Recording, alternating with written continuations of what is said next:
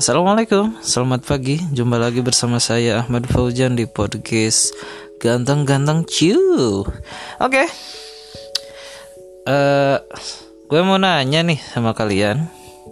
Kalau seandainya kalian pernah pergi ke salah satu tempat, kemudian di tempat itu kalian nemuin mantan kalian sedang berpacaran lagi apa pen, uh, perasaan kalian? Oke, okay? dijawab ya guys. Thank you.